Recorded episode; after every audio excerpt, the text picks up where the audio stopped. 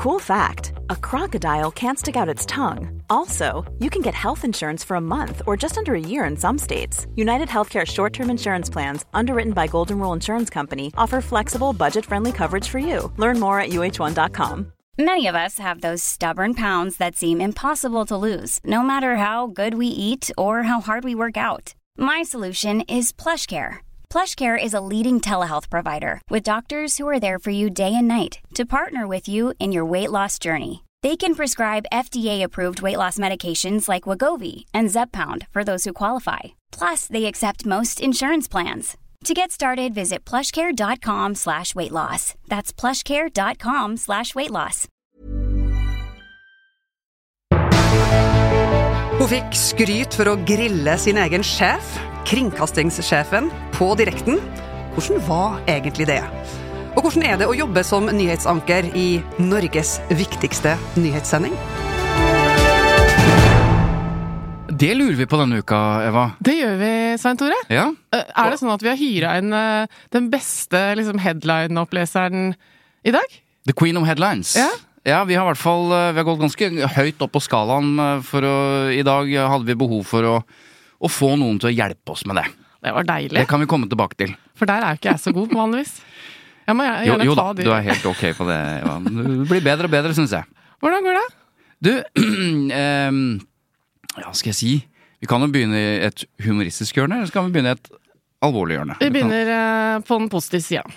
Da syns jeg det går bra. Det er snart jul. Det er julestemning. Det drypper sånne melisflak fra oven. Og jeg I morgen kom- er det julekalender. I morgen er det 1. desember. Snøfall 2. Og jeg Ja, det er kanskje Det, er, det visste Kommer jeg ny ikke. sesong av Snøfall? altså, Jeg mente mer Jeg sånn meg. stemningen, at jeg faktisk har klart å komme bitte litt julestemning før desember. Det er jo i prinsipielt motstander av. ja. For jeg kommer vanligvis Jeg kommer fra et sted hvor vi pynter til julaften 23., altså lille julaften. Da pynter vi. Ja, Det, der, der er, det er ikke så mange som er der. Nei. Nei, men ingenting skal begynne før 1. desember. Det er jeg helt enig i. Men eh, hvis du lurer på hvordan jeg har det, så har jeg det sånn eh, passe. Fordi Fordi, og det sitter jo litt i kroppen, eh, fordi i går Mhm. så var jeg på eh, en slags sånn jule...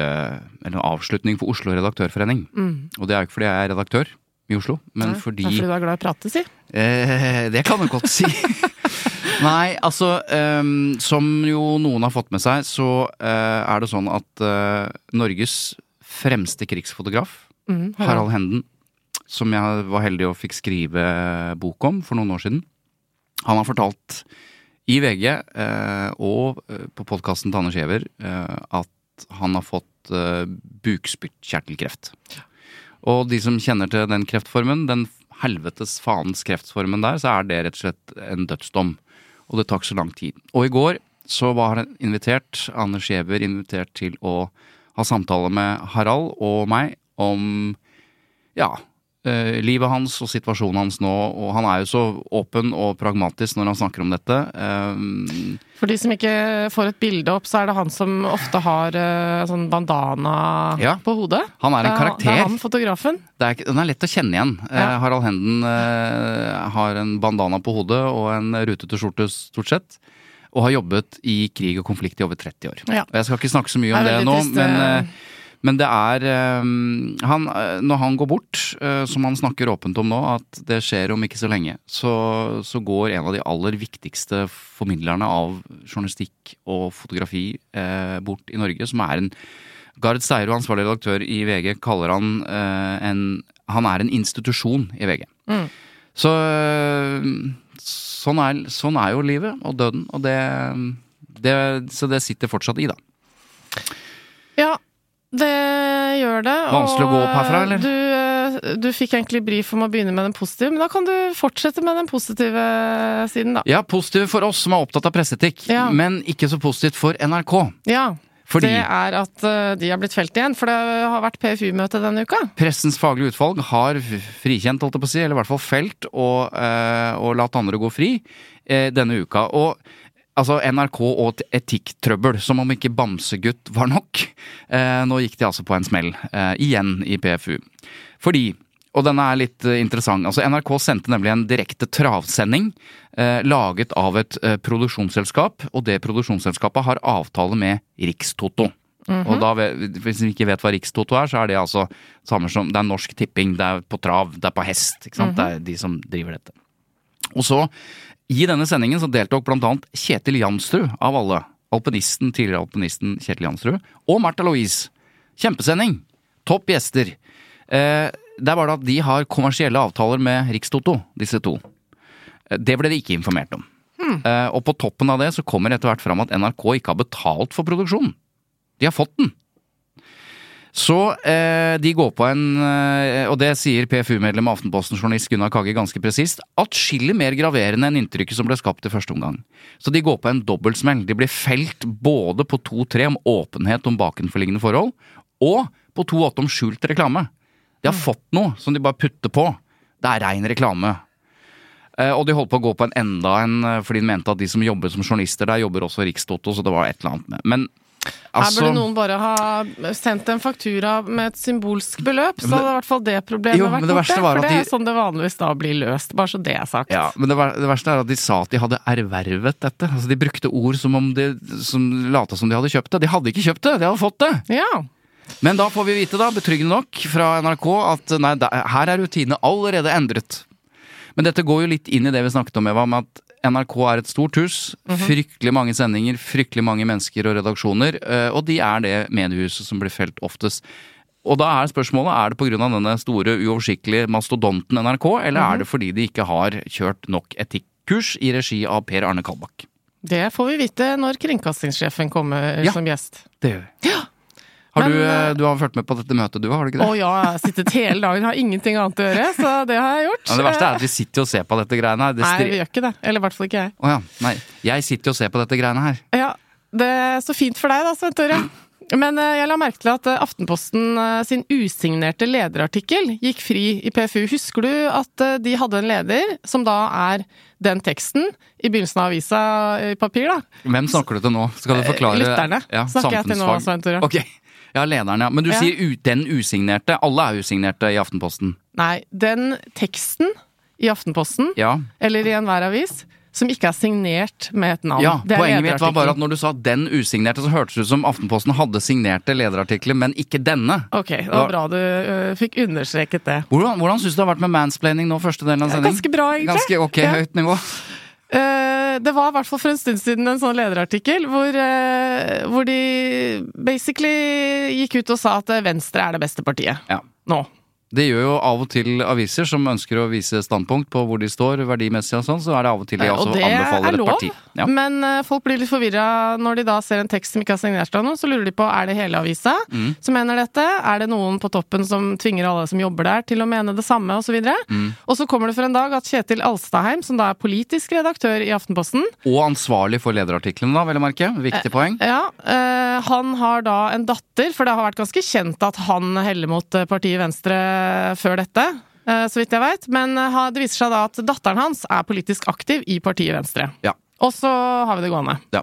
Og da lurer jeg på, Det er vel bakenforliggende forhold også, som, Ja, burde vært kjent. Så da har det kommet inn en klage da, til Pressens faglige utvalg eh, på punktene 2.1 om redaksjonell uavhengighet. da, Mm. Og punkt 2 om å verne redaksjonell integritet og troverdighet. ikke sant, Unngå dobbeltroller osv. Og vise åpenhet om bakenforliggende forhold. fordi det står da ikke under den lederartikkelen informasjon om at vår politiske redaktør eh, Er medlem av Max Social i VG? Nei, nei er sånn som det pleier å stå. ja.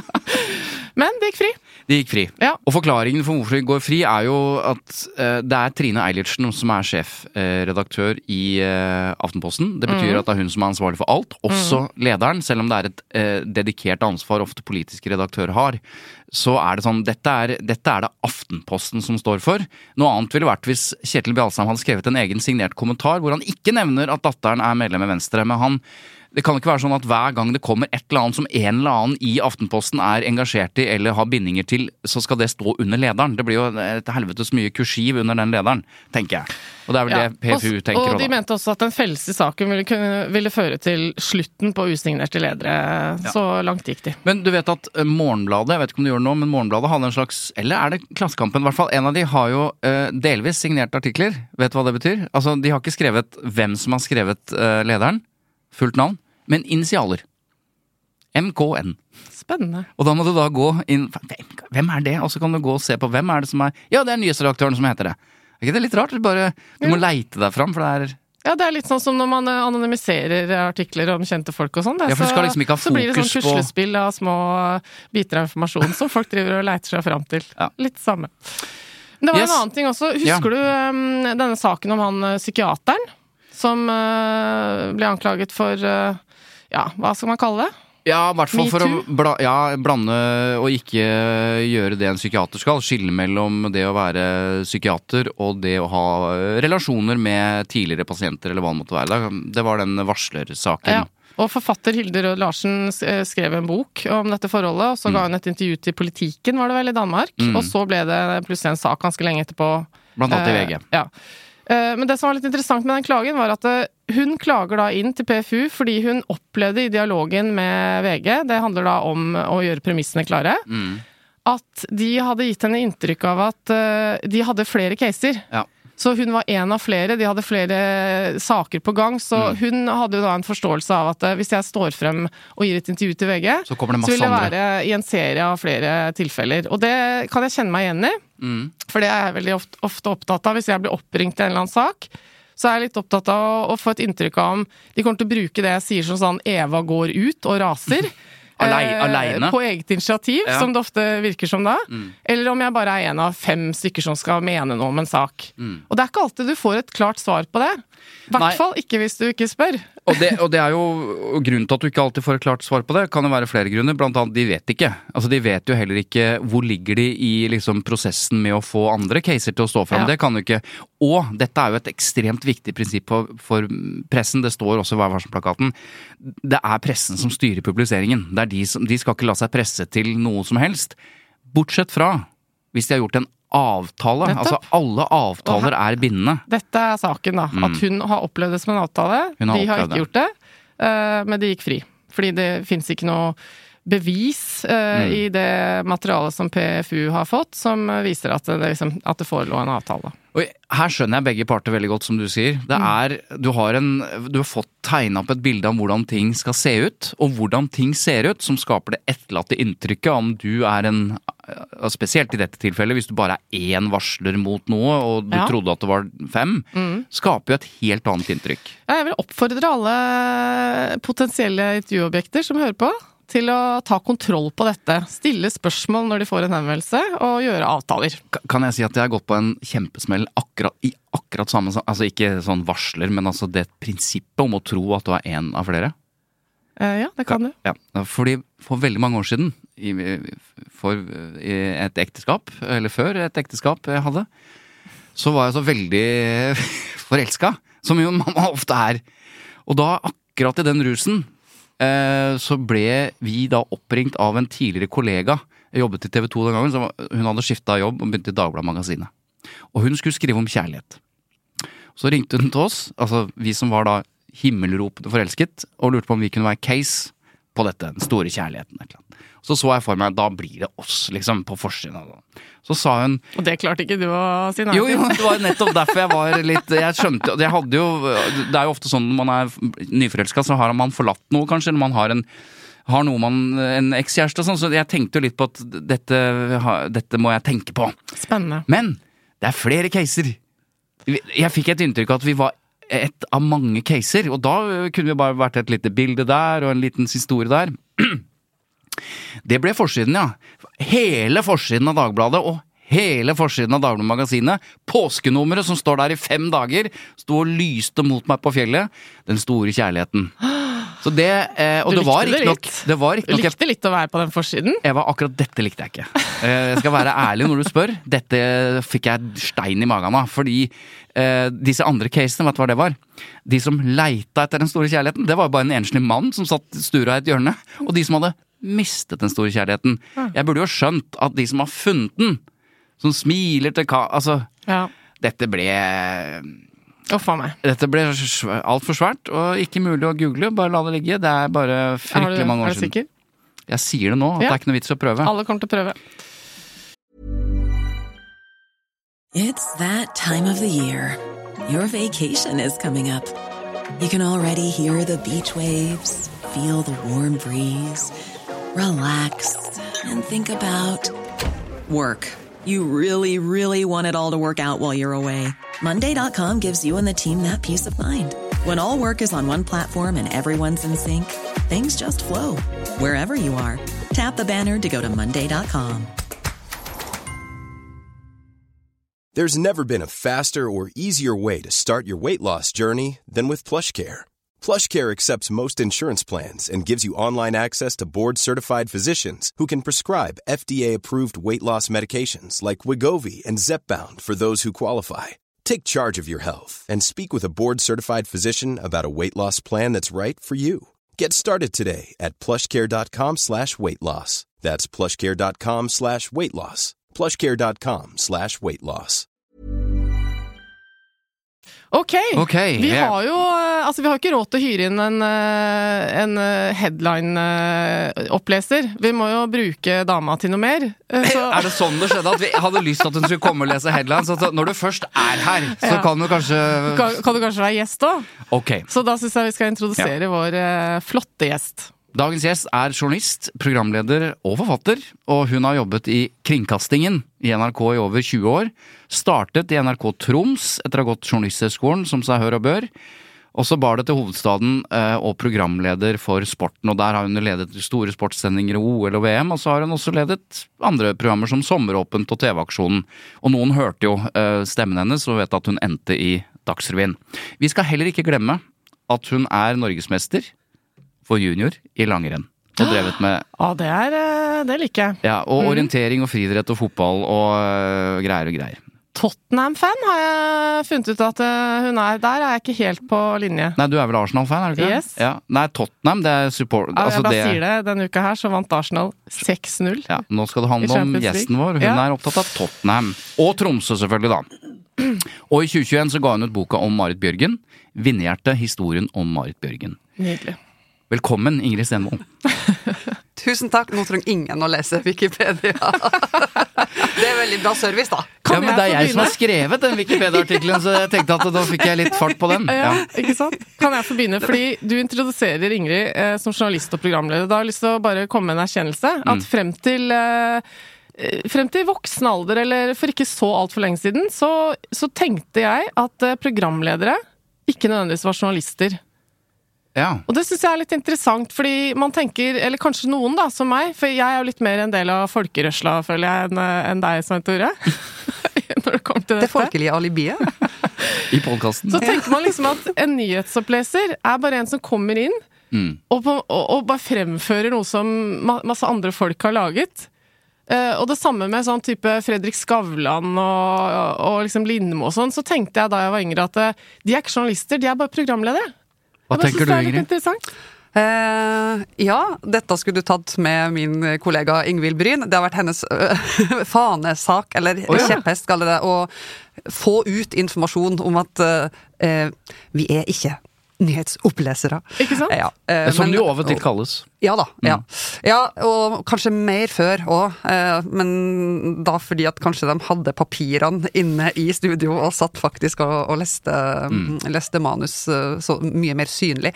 Men nei, eh, vi er absolutt eh, journalister. eh, I hvert fall alle nyhetsprogramledere Ja. i NRK. Men du er, jo, du er jo inne på noe da, Eva. For det er jo ikke alle som er programledere for underholdningsprogrammer på TV som har, som er, har jobba som journalist i mange år. Tvert imot. Det, det er jo folk som ikke har noe journalistisk erfaring, som også setter seg i en stol og skal prøve å intervjue folk. Ja, og noen av de som da opptrer som programledere i ulike sammenhenger i pressen, som ikke har journalistbakgrunn, for journalist er jo ikke en beskytta tittel, De blir jo da etter hvert omtalt som journalister, som jeg også kan reagere litt på. Sånne podkast-influenserkjendiser og sånn. Som er gjester i andre programmer, og så blir de lest opp sånn som du gjorde nå, som journalist. Så dette er et røre, vil jeg si. Sånn er det når man ikke har uh, uh, fått patent på tittelen. Det er Ikke ikke det er jo ikke Men noe beskyttet det tittel. Men blir du også uh, Unnskyld, Eva. Det som vi har, ja, og nå var du flink! Mm, vi har jo bestemt oss for å ikke avbryte hverandre så mye. Det, Ja, det er så- det,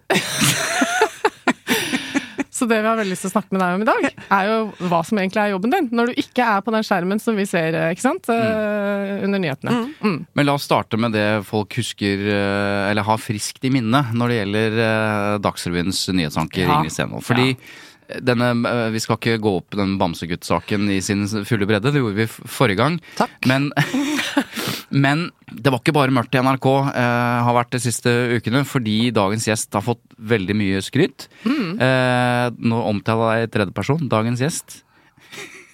Og det var til og med noen som mente hun burde bli kringkastingssjef, fordi intervjuet var så bra. Så derfor Jeg ser har vi det for meg om noen år. Ingen kommentar, skal du si da. Ingen eh, eh, kommentar. Ja. Men til dette intervjuet med din egen sjef. Ja. Kringkastingssjefen. Bare la oss høre litt fra det intervjuet du gjorde med, med Vibeke Fyrst Haugen. mellom redaksjonen, altså produksjonen, og deg er det fem lederledd, i tillegg til en egen etikkredaktør. Hvordan er det mulig at dette glapp i så mange ledd? Nei, Det er dette vi må forsøke å få en oversikt over nå. Eh, og nå må vi gjøre det vi kan for å lære av dette, og sikre at ikke vi gjør en tilsvarende feil igjen. Kan antallet ledd være en del av problemet? Dette skal vi gå igjennom nå. Det er for tidlig å si hva som er årsaken til det, men dette må vi gå gjennom nå. Hvorfor skal publikum stole på NRK neste gang?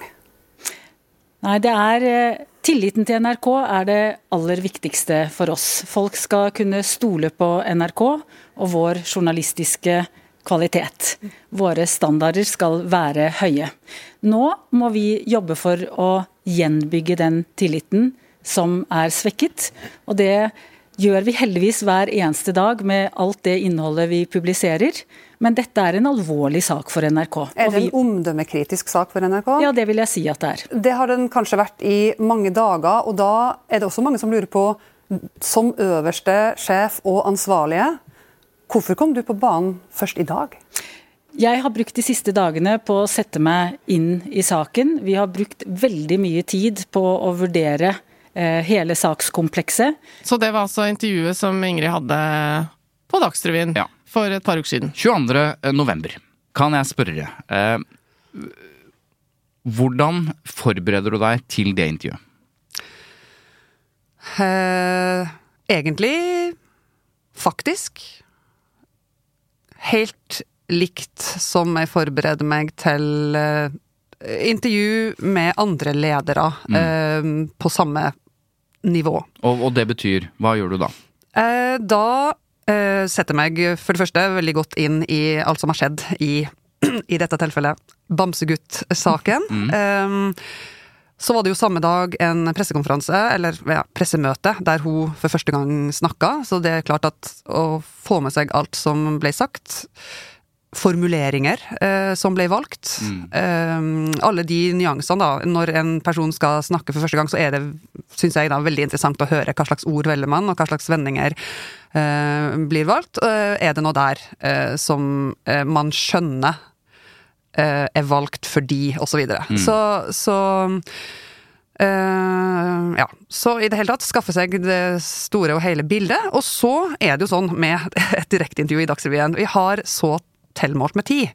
Eh, så det er det kanskje som skiller de intervjuene fra uh, en del andre. Det er at man må tenke ganske lenge på hvor man skal starte.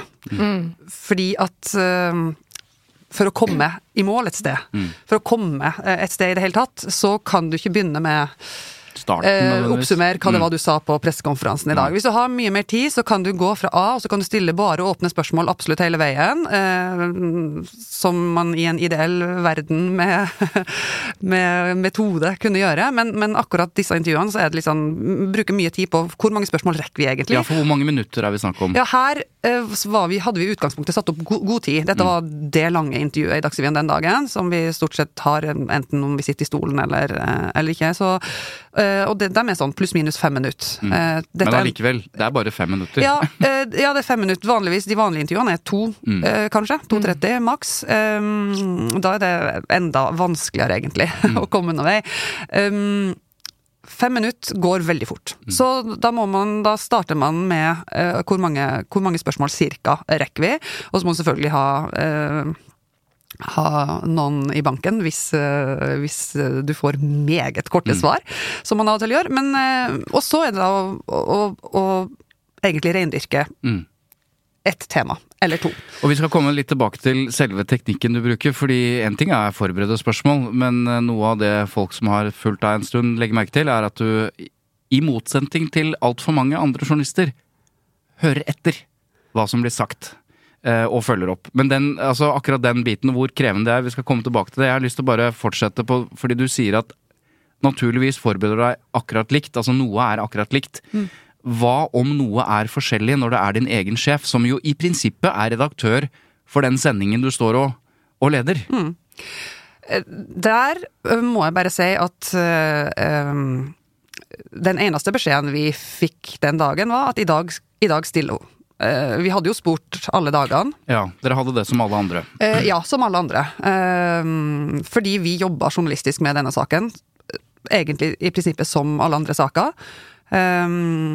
Og når vi da får beskjed om det, så er det ikke noen andre føringer som blir lagt.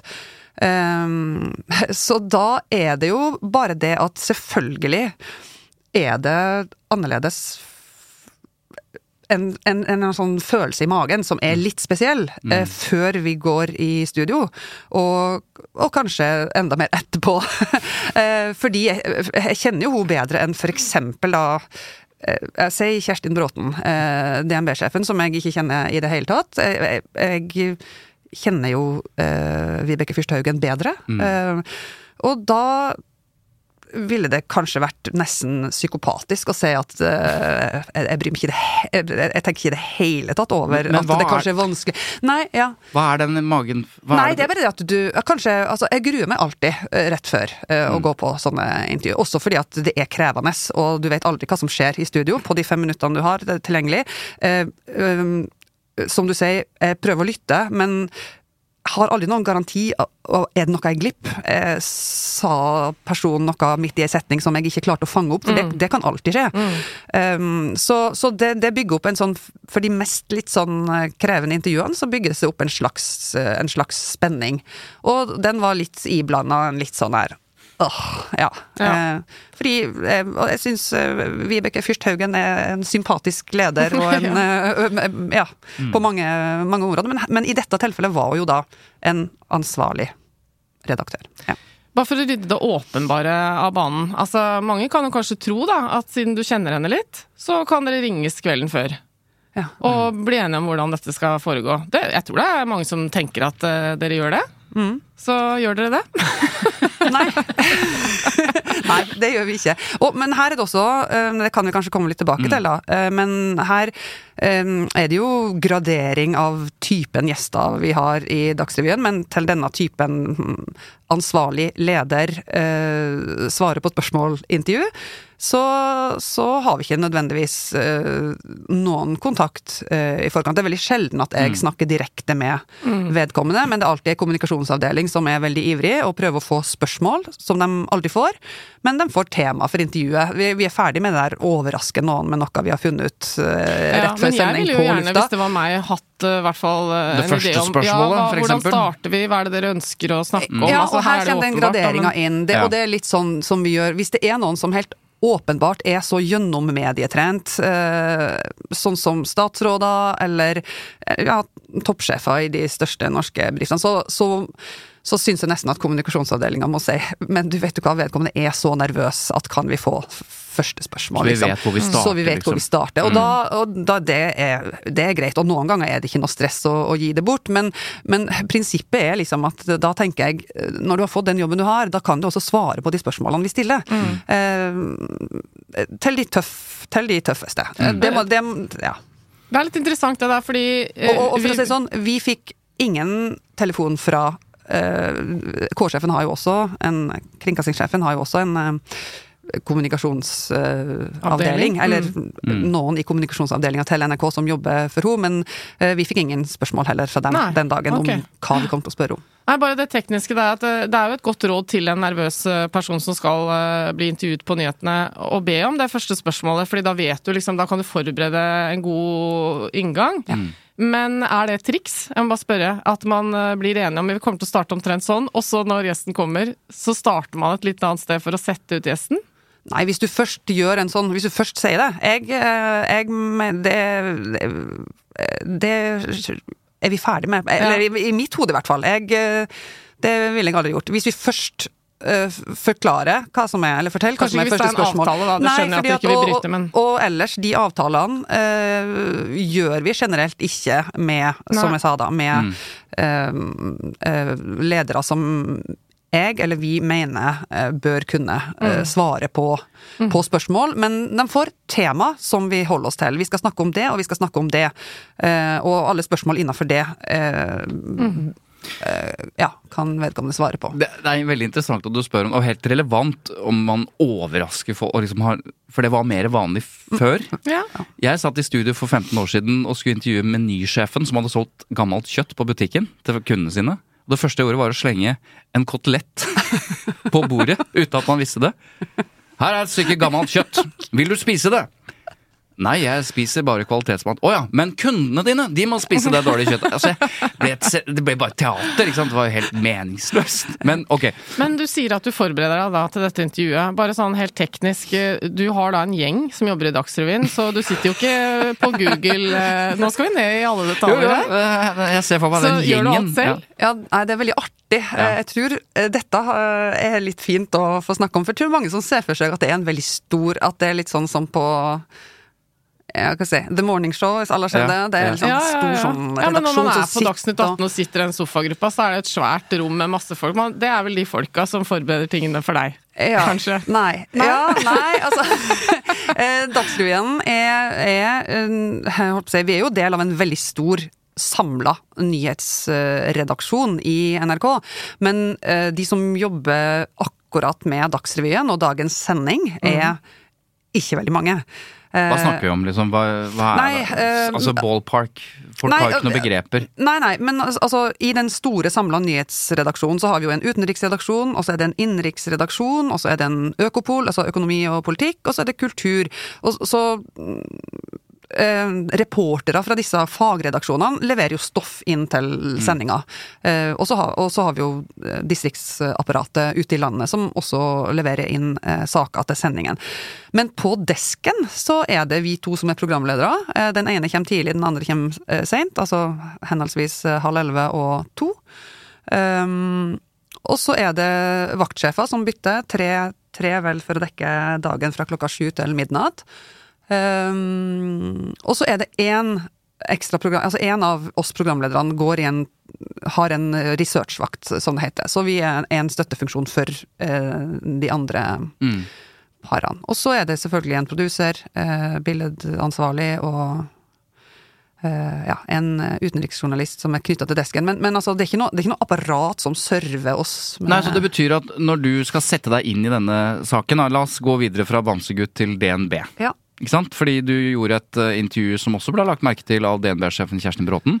Og det er jo uh, komplisert uh, materie. Det er renter, og det er utbytte, og det er mye økonomi osv. Mm. Når du da sitter og forbereder det intervjuet som du gjør på direkten, så tenker jeg det Eva lurer på da, er liksom hvor mange er det researchere og folk du har som kan være med å forberede det intervjuet? Hente inn opplysninger, sjekke tall, sjekke hva betyr egentlig inflasjon igjen? Jeg husker ikke helt. Altså, skjønner du? Hva, hvem er det som gjør den jobben? Nei, I veldig stor grad gjør vi det sjøl. Og det er liksom for å, også for å ha Når du skal gjøre et direkteintervju, så blir man litt sånn eh, eh, eh, manisk opptatt av at eh, man skal ha kontroll på Mm, det opplysningen. Men, men så har jeg da den eh, Altså eh, en, en god del hjelp, selvfølgelig, fra den research mm. Min programlederkollega som har research, eh, er på research. Um, og så eh, er det jo da fagredaksjonen. Altså, jeg eh, går opp trappa til Økopol eh, ganske ofte og setter meg Det høres og, veldig økopol Jeg skjønner at det er sånn forkortelse i NRK. Jeg går inn til Økokrim der, og Økopol der, og så får jeg litt eh, Det- info. det- Ja. eh, det, eh, de har De sitter på en sånn hems eh, ja. Du går på hemsen. Og driver med økonomi, da. Ja, driver med, driver med, sysler Ja. med økonomi. Nei, men jeg, jeg kan ha veldig god nytte av, før eh, politikerintervju, å spare med eh, Lars Nehru eller Tone Sofie. Eh, spare med eh, eh, Cecilie Langum Becker. Eh, kommentatorene er, er jo et utømmelig kilde av Mm. både kilde, kildekunnskap og fagkunnskap. Eh, reportere som har laga innslag som, som dekker saken den dagen, eh, kan komme med ha veldig gode innspill. Så, så eh, jo mer komplisert, jo mer eh, Selvfølgelig er det å, å lese seg opp og lytte seg opp og se seg opp, og så er det å eh, konsultere enten fagkunnskap in-house, eller ta noen telefoner, selvfølgelig. Sånn Men- helt vanlig. Men det er du som går opp hemsen. Altså, du kan jo vært slapp. Du kan jo sittet på desken og sagt "Det- dette fikser jeg, jeg stiller noen spørsmål. Så det er jo du som tar den, eh, som gjør den jobben, henter informasjonen, går til kollegaer for å Ja, nettopp. Men eh, samtidig så driver jo sannsynligvis Fredrik Solvang og forbereder seg på samme sak ofte. Altså, han hadde vel også Bamsegutt-sak, ja. Ja, og DNB og sånn. Men da er det sånn at uh, hans researcher og din researcher er ikke samme. Ikke sant? Det er ikke sånn at man eh, effektiviserer eh, i- på NRK-huset her og tenker at uh, en gjeng kan lage underlaget til alle. Jeg bare spør litt dumt nå, for liksom, det ville jo vært logisk i Mm. En dumt, tid dette hvor det er er Jo, og nedskjæringer og sånn. Jo, men altså, det kan du si at Men så er det da at for eksempel debatten da har ofte et helt eget oppsett. Mm. De har andre, andre gjester. Noen ganger er det det samme. Eh, Dagsnytt 18, hvis vi har de samme gjestene, så hender det jo absolutt eh, at man eh, samsnakker. Det kunne man sikkert blitt bedre på, men eh, enkelte ganger. Men ja. Mm. ja. Men dere jobber litt sånn selvstendig redaksjon. Man får litt inntrykk av at hvis det er en nyhet, så er det flere enheter i NRK som på en måte jobber for å få saken. Ja, men det er Og gjerne samme gjester òg, det lurer jeg på litt uh, hvordan Ja, dere koordinerer. Når, ja, når det, er stor, når det er store ting, så er det, så er det ofte en koordinert innsats. Men dette, dette kan En av- en av tingene vi helt sikkert kan bli mye bedre på. Eh, også.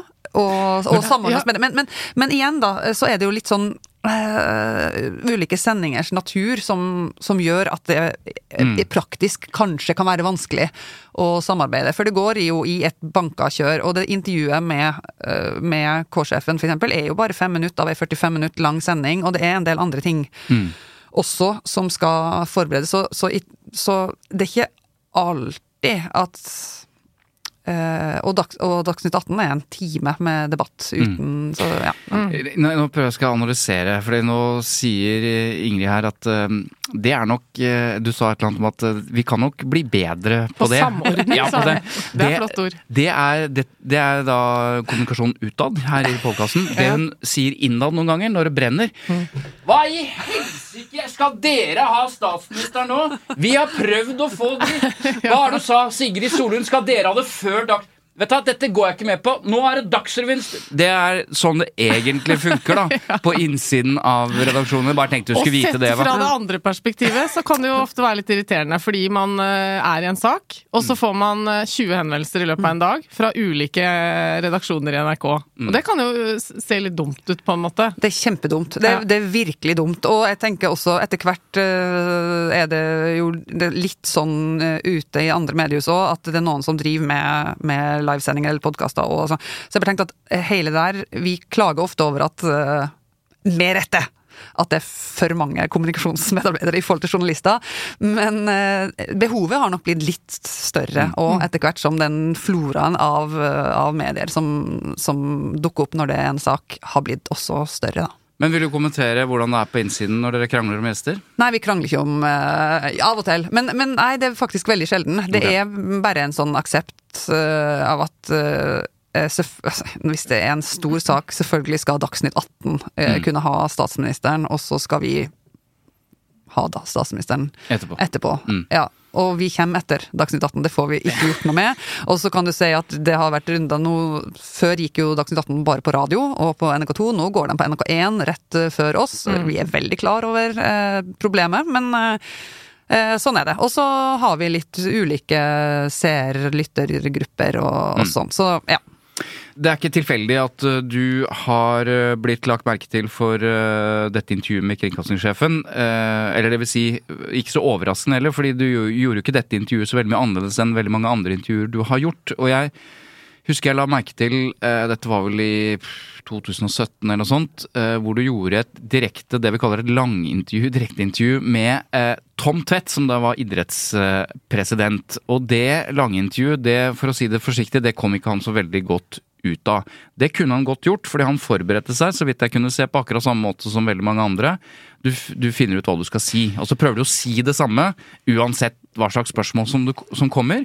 Og det funker hvis journalisten ikke følger med og ikke hører etter, fordi da, da virker det som du ja, både svarer og har et eller annet budskap da. Det jeg vil Og kalle det fins en del av dem. Altså, jeg har vært eh, gjest jeg, i intervjuer hvor jeg Ja. liksom får spørsmål, og så når jeg sitter og svarer, så mister jeg øyekontakt med intervjueren. Fordi han er nede i manus og forbereder seg på neste og sånn, så Ja. du har egentlig ikke en Jeg samtale. hører ikke etter. Men la oss bare gå inn i det intervjuet på et tidspunkt hvor Ingrid Stenvold ikke eh, aksepterer at dette, denne spinnen kommer, fordi hun hører etter hva han svarer. Ikke sant, men bare bakgrunnen da, at det var vel i 2017, tror jeg, det handla om offentlig finansierte organisasjonen uh, Idrettsforbundet, da, som uh, har brukt store pengesummer på fest og alkohol, og det er litt sånn reiseregninger og pengetrøbbel, er det ikke det som er bakgrunnen da? Ja, eh, det var økonomitrøbbel og manglende åpenhet, egentlig, Ja, om, ja. om hva pengene hadde Ja. vært brukt til. Så Nå var du det god, var- for det ofte er det sånn sendt er glemt, er det ikke det?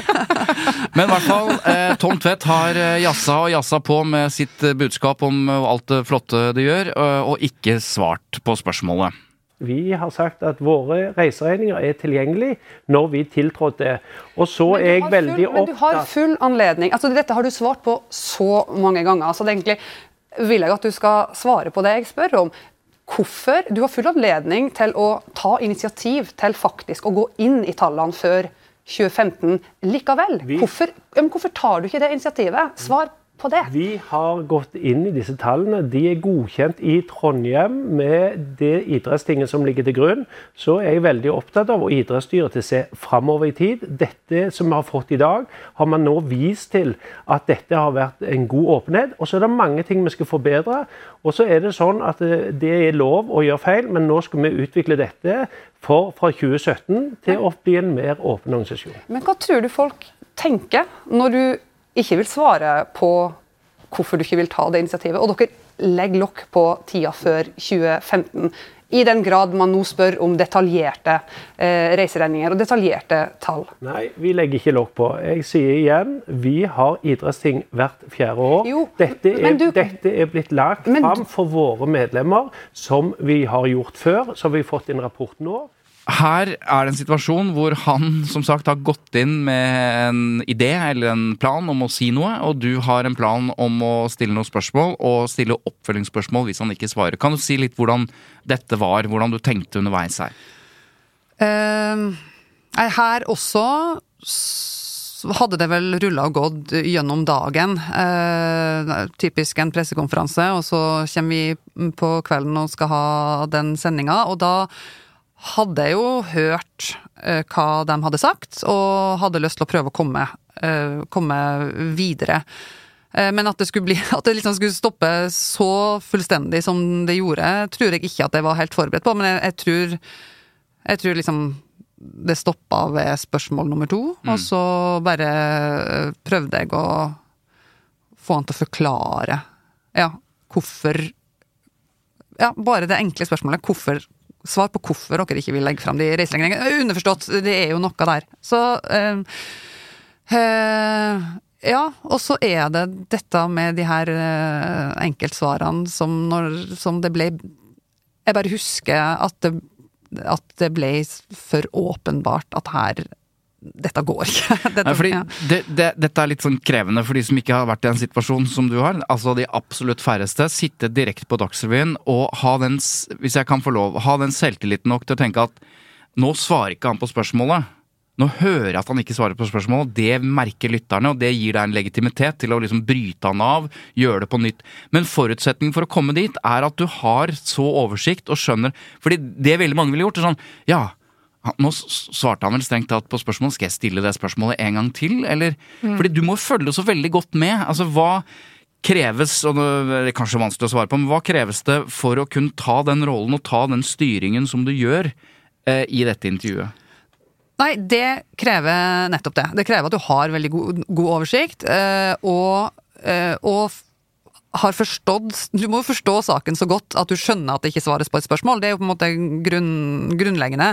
Eh, og nå ser ikke jeg at eh, jeg får til det i alle sammenhenger, for det, det, er, det hender absolutt at vi gjør intervju der jeg ikke har den samme oversikten, og da, da får du ikke til det samme, rett og slett. Eh, men, men når du jobber i Dagsrevyen, så er jo litt av greia med jobben er at du nesten må prøve å ha eh, god oversikt over eh, ganske, et ganske bredt felt av saker. Ja.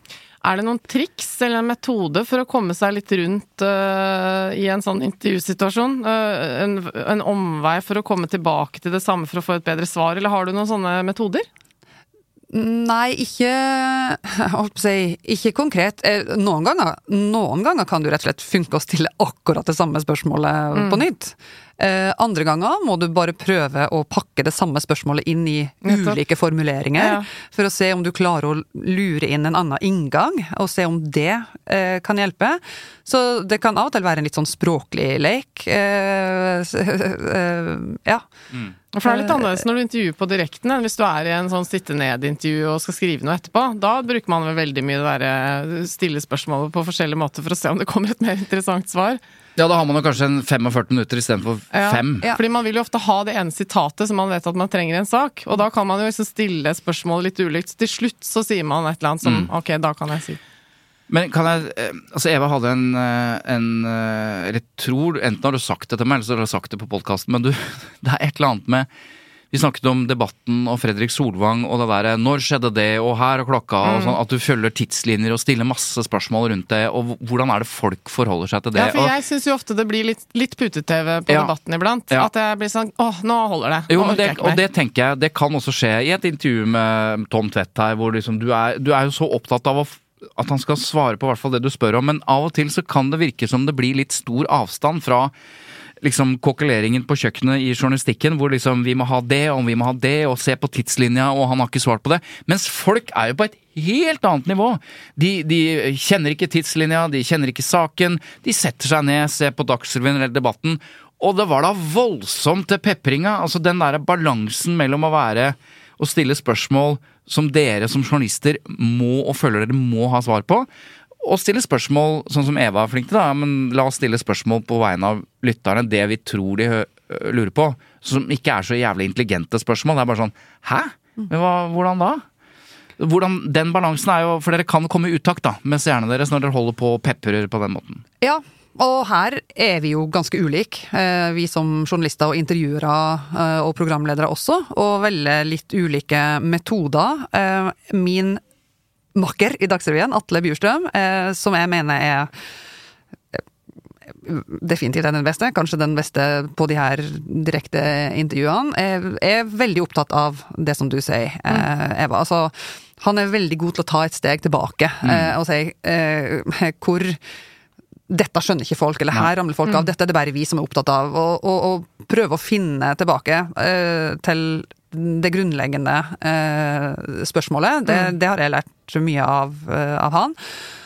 Og så er det jo også eh, et spørsmål om eh, tone of voice, eh, syns jeg. Eh, du kan stille ganske mm, Kanskje til og med mer ubehagelige spørsmål på en høflig måte. Ja, ja men der føler jeg deg veldig. Eh, syns, og jeg, jeg Min erfaring er at eh, man kommer minst like langt med med det. eh, I stedet for eh, eh, Noen ganger tenker jeg at den litt sånn klassiske slugger-revolver-måten å intervjue på er litt sånn avleggs. Men noen ganger er jo det også litt deilig. Mm. Ja, jo, men altså, ikke sant? Men- så det, og, og, men, men det er utrolig sånn der, for at eh, det er en balansegang ut mot seeren.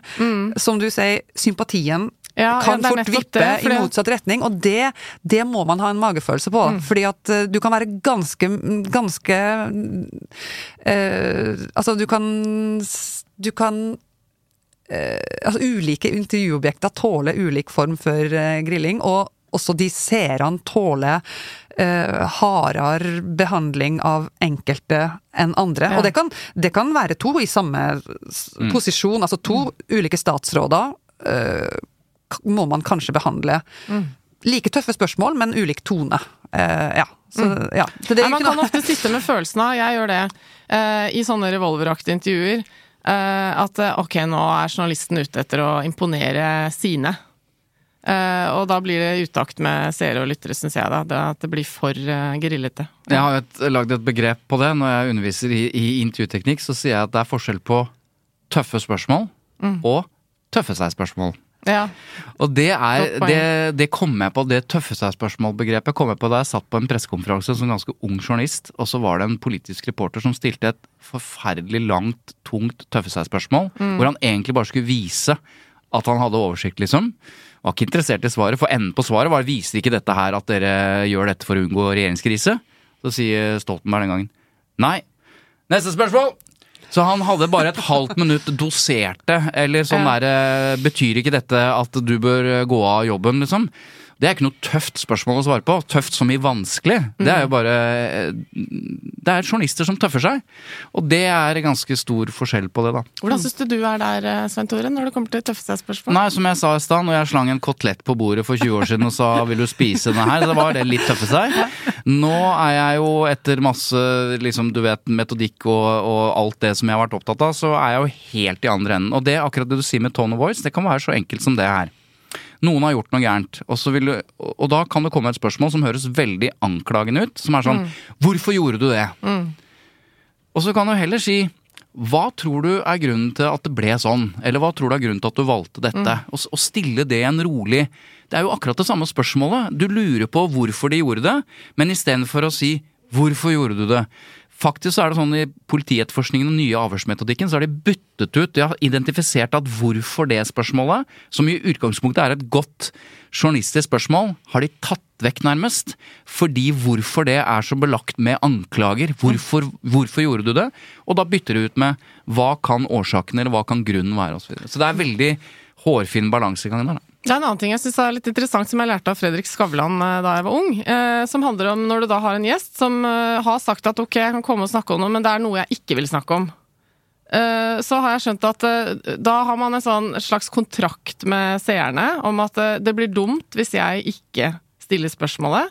Så da må jeg stille spørsmålet, og så må du svare at det vil jeg ikke si, eller det vil jeg ikke Altså er det en sånn Ja. avtale man gjør eh, på en måte om sånne ting? Ja, for det, det, det sitter veldig langt inne, eller det gjør vi jo egentlig ikke. Avtaler, altså Et intervjuobjekt kan ikke få lov til å si til oss hva slags spørsmål Nei, vi men det skal få lov til å of- prøver stille. man vel ofte. At eh, jeg kan komme, men jeg vil ikke snakke om sånn. Ja, vi vil ikke snakke om det, men da er det veldig vanlig at vi sier da får du si det. Vi må stille spørsmålet. Sant? så Ja. Så det, ja. Vi eh, Du ser på kroppsspråket mitt at jeg har sett på klokka at vi må gå inn for, gå inn for landing.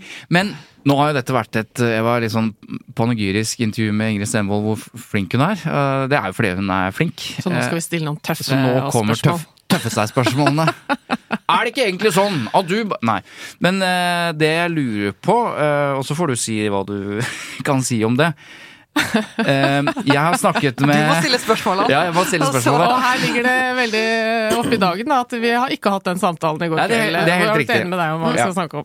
Nei, fordi eh, jeg har jo snakket med venner av meg i NRK som jo har syntes det har vært krevende de siste ukene. Fordi dette med disse avgjørelsene som ble betatt, disse store etiske feilene som ble begått i denne saken som vi har snakket om, eh, de, de tærer jo på tilliten, eh, troverdigheten til NRK, og, og det kan også tære på eh, tillit og troverdighet til hver enkelt journalist som jobber i NRK. De kan få smelt dette etter seg osv.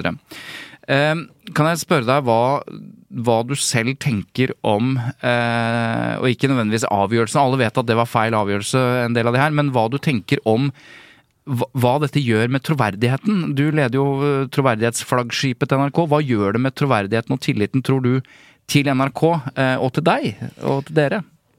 Nei, det er ingen tvil om at det er kjempealvorlig. Eh, og eh, ja, noe som vi kommer til å måtte jobbe over tid med å Altså, med klisjeen om at tillit er ikke noe har, du har, det, du, det, går veldig fort å fjerne den, og, og sånn. Vi, vi, vi, eh, har vært vant til å score veldig høyt på tillitsmålinger. Eh, det kan vi ikke ta som en selvfølge. Og dette er, eh, dette er veldig alvorlig for hele NRK si journalistiske eh, virksomhet. Det må vi bare ta oss uten, uten, å liksom For da, uten å henge ut noen, så er det, har det blitt en sånn sak som gjør eh, Den har vi sammenligna med den mye omtalte romkvinnesaken i sin tid, mm. som eh, var ille da, og som hang ved oss lenge, og som folk elska å hente opp igjen. Ja, men da mm. snakker dere ikke sant, hvorfor skal vi tro på dere nå? Og det er det sånn, hvorfor skal vi tro på, på det her? Og og så tenker jeg, Det som er nesten verre nå enn i 2012, eh, hvis vi løfter blikket litt, og det er jo sunt, eh, det er at vi har enda mindre råd, alle vi, i Da snakker jeg om det store vi-et i redaktørstyrte medier. Eh, alle vi har ikke råd til å skødde eh, med, med, journalistikken og etikken eh, nå. Fordi at det er så sterke krefter i sving mm. overalt som hige etter å kaste seg over og, og finne feil, og, finne feil mm. og så tvil om uh, det vi driver med, uh, at vi har en agenda, uh, og, og, og, gi dem og de kreftene vann på mølla. I, nå for tida er, er verre nesten enn ja. før. Så mm. det, er, det, er, rett og slett Jeg syns det er veldig, veldig vanskelig. Mm. Ja. ja. for det er å ha en agenda som er greia her. For det er jo det alle andre som ikke er redaktørstyrt, har. Uh, ofte. Uh, og så prøver de å gi inntrykk av at uh, det er det samme hos dere. Det ja, er farlig. Det er kjempevanskelig. Altså, folk som ikke har noen ting med journalistikk å, å, gjøre. Det er ganske vanskelig å få dem til å tro på, av og mm. til, mm. at vi faktisk ikke har en uh, føringer, det tror noen at vi har, om hvordan vi skal dekke mm. saker, eller, eller, sånn. Og det betyr ikke at vi ikke lander skjevt, eller, eh, eller bommer. Åpenbart gjør vi det uh, innimellom, men det er, det er, mange forestillinger der ute som, ja. som går på at det, det, er, ikke, det er ikke noe nei, nei, for dere, intuitivt for folk at vi er, er såkalt uavhengige. Da. Dere har ikke nødvendigvis en agenda, men dere setter jo agenda. Ja, det gjør og den makten har dere jo. Klart det. Mm. Det er en, eh, om ikke formildende omstendighet her, for det tror jeg ikke har funnet, men det er noe som jeg tror Dette er min korte analyse, da, og det er egentlig du som burde hatt den, Eva. Folkets røst. Og det er, hvis du, hvis du spør folk om det her så er det jo, og dette har vi jo sett eh, delvis i debatten og delvis i andre sammenhenger, at det er jo veldig mange som er på Tore Strømmes lag her, tross ja. alt. Altså, det er mange som tenker, og har uttalt, at dette er, det er journalistikk Ja ja, vi skjønner at det var feil, men drit nå i det. Dette som Tore Strømme gjør, er et viktig prosjekt å stå på de svake side og mm. viser systemfeil osv. Her er det veldig mange som er enig i at NRK har gjort feil, men som samtidig er opptatt av denne type journalistikk og opptatt av at ja, dette skal komme fram. Men det går jo an å ha to tanker i hodet. Jo, samtidig. men poenget mitt er bare at eh, jeg tror at det er sjelden jeg kan huske at kolleger Altså ikke mine lenger, men altså journalistkolleger, redaktører som Trine Eilertsen, som eh, ja, flere som har uttalt seg om dette, har vært så beinharde i sin kritikk og sin fullstendig altså De helt, stiller seg fullstendig uforstående til den, disse beslutningene som er tatt. Det er sjelden jeg hører så ramsalt kritikk fra redaktører til andre redaktører som i denne saken. Mm. Samtidig som eh, folk der ute ikke er opptatt av akkurat det der eh, journalistiske og de redaksjonelle avgjørelsene ja. på samme måte. Mm. Og det mener jeg i stort kanskje kan berge NRK gjennom dette på en litt bedre måte enn de nå frykter. Fordi det er jo folk de skal ha tillit, til, altså, ha tillit hos, ikke hos Trine Eilertsen primært. Men eh, ja, Så det, det, kan kanskje hjelpe, da. Vet ikke om det er en trøst helt på slutten. Hadde vært ideelt å ha tillit begge, begge, begge steder. Ideelt sett. Enig. enig, ja. Det vi er glad for når vi avslutter nå, Ingrid Stenvold, er at, eh, at hele Norge, alle redaksjoner, plutselig er opptatt av, veldig opptatt av presseetikk. Altså, Kanskje det er bare noe vi tror, fordi vi er opptatt av Nei, det? men nå tror jeg faktisk at altså, Vi har jo sittet og bala med dette i tre år nå, med øh, Ja. hvordan blir journalistikken til, avgjørelser, presseetikk Ja. osv. Ja, det og har plutselig, kanskje kommet mer til og etter overflaten. Bamsegutt, takket være Bamsegutt-saken, så snakker alle om presseetikk. Og her sitter vi i denne ikke-redaktørstyrte podkasten. Ja.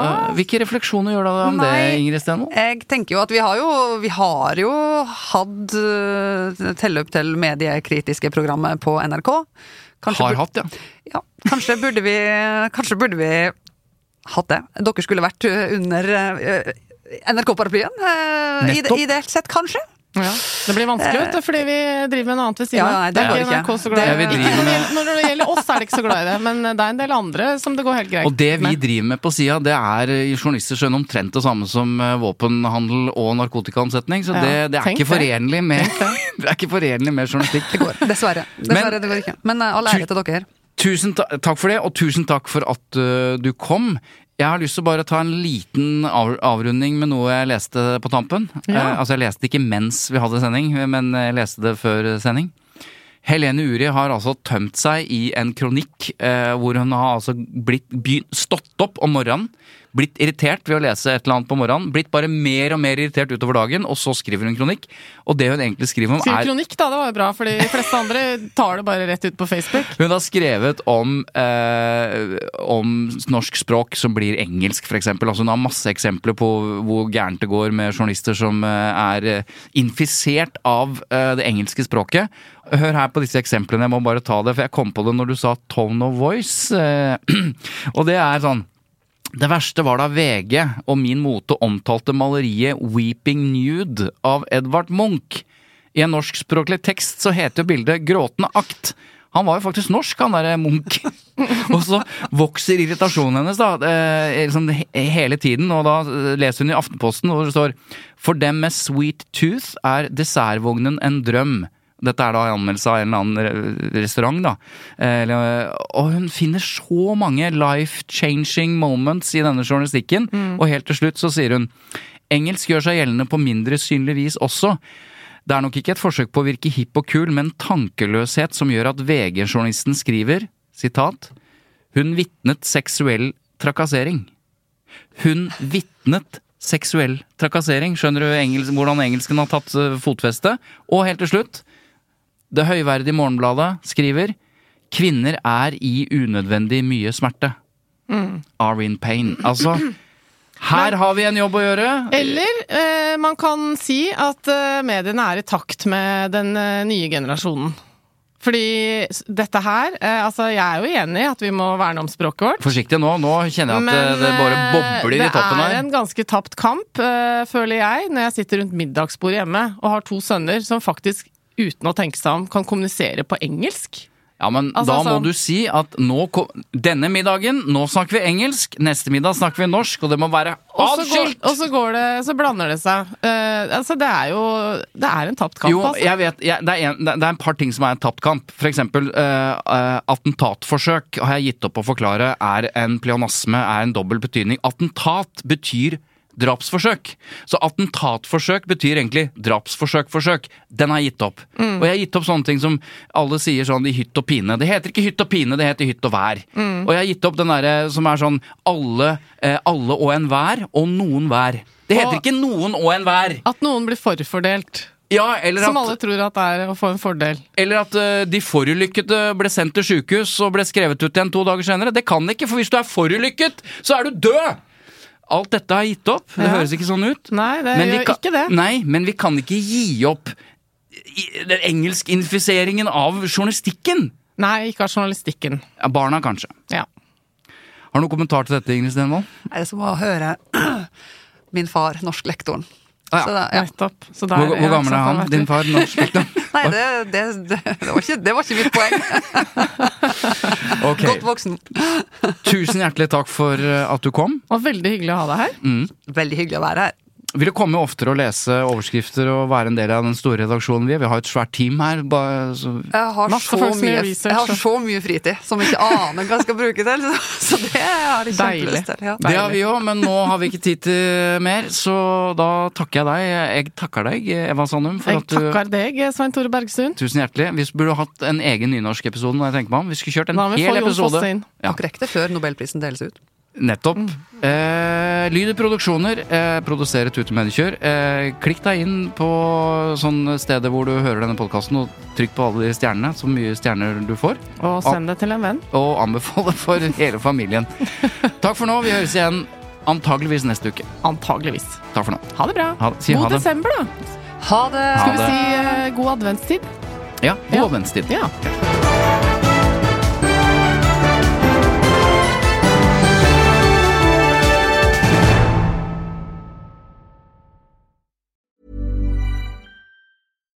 When you make decisions for your company, you look for the no-brainers. And if you have a lot of mailing to do, stamps.com is the ultimate no-brainer. It streamlines your processes to make your business more efficient, which makes you less busy. Mail checks, invoices, legal documents, and everything you need to keep your business running with stamps.com. Seamlessly connect with every major marketplace and shopping cart. Schedule package pickups and see your cheapest and fastest shipping options from different carriers with rates up to 89% off USPS and UPS rates. And with the stamps.com mobile app, you can take care of mailing and shipping wherever you are. Make the same no-brainer decision as over 1 million other businesses with stamps.com. Sign up with code program for a 4-week trial plus free postage and a free digital scale. No long-term commitments or contracts. That's stamps.com. Code program.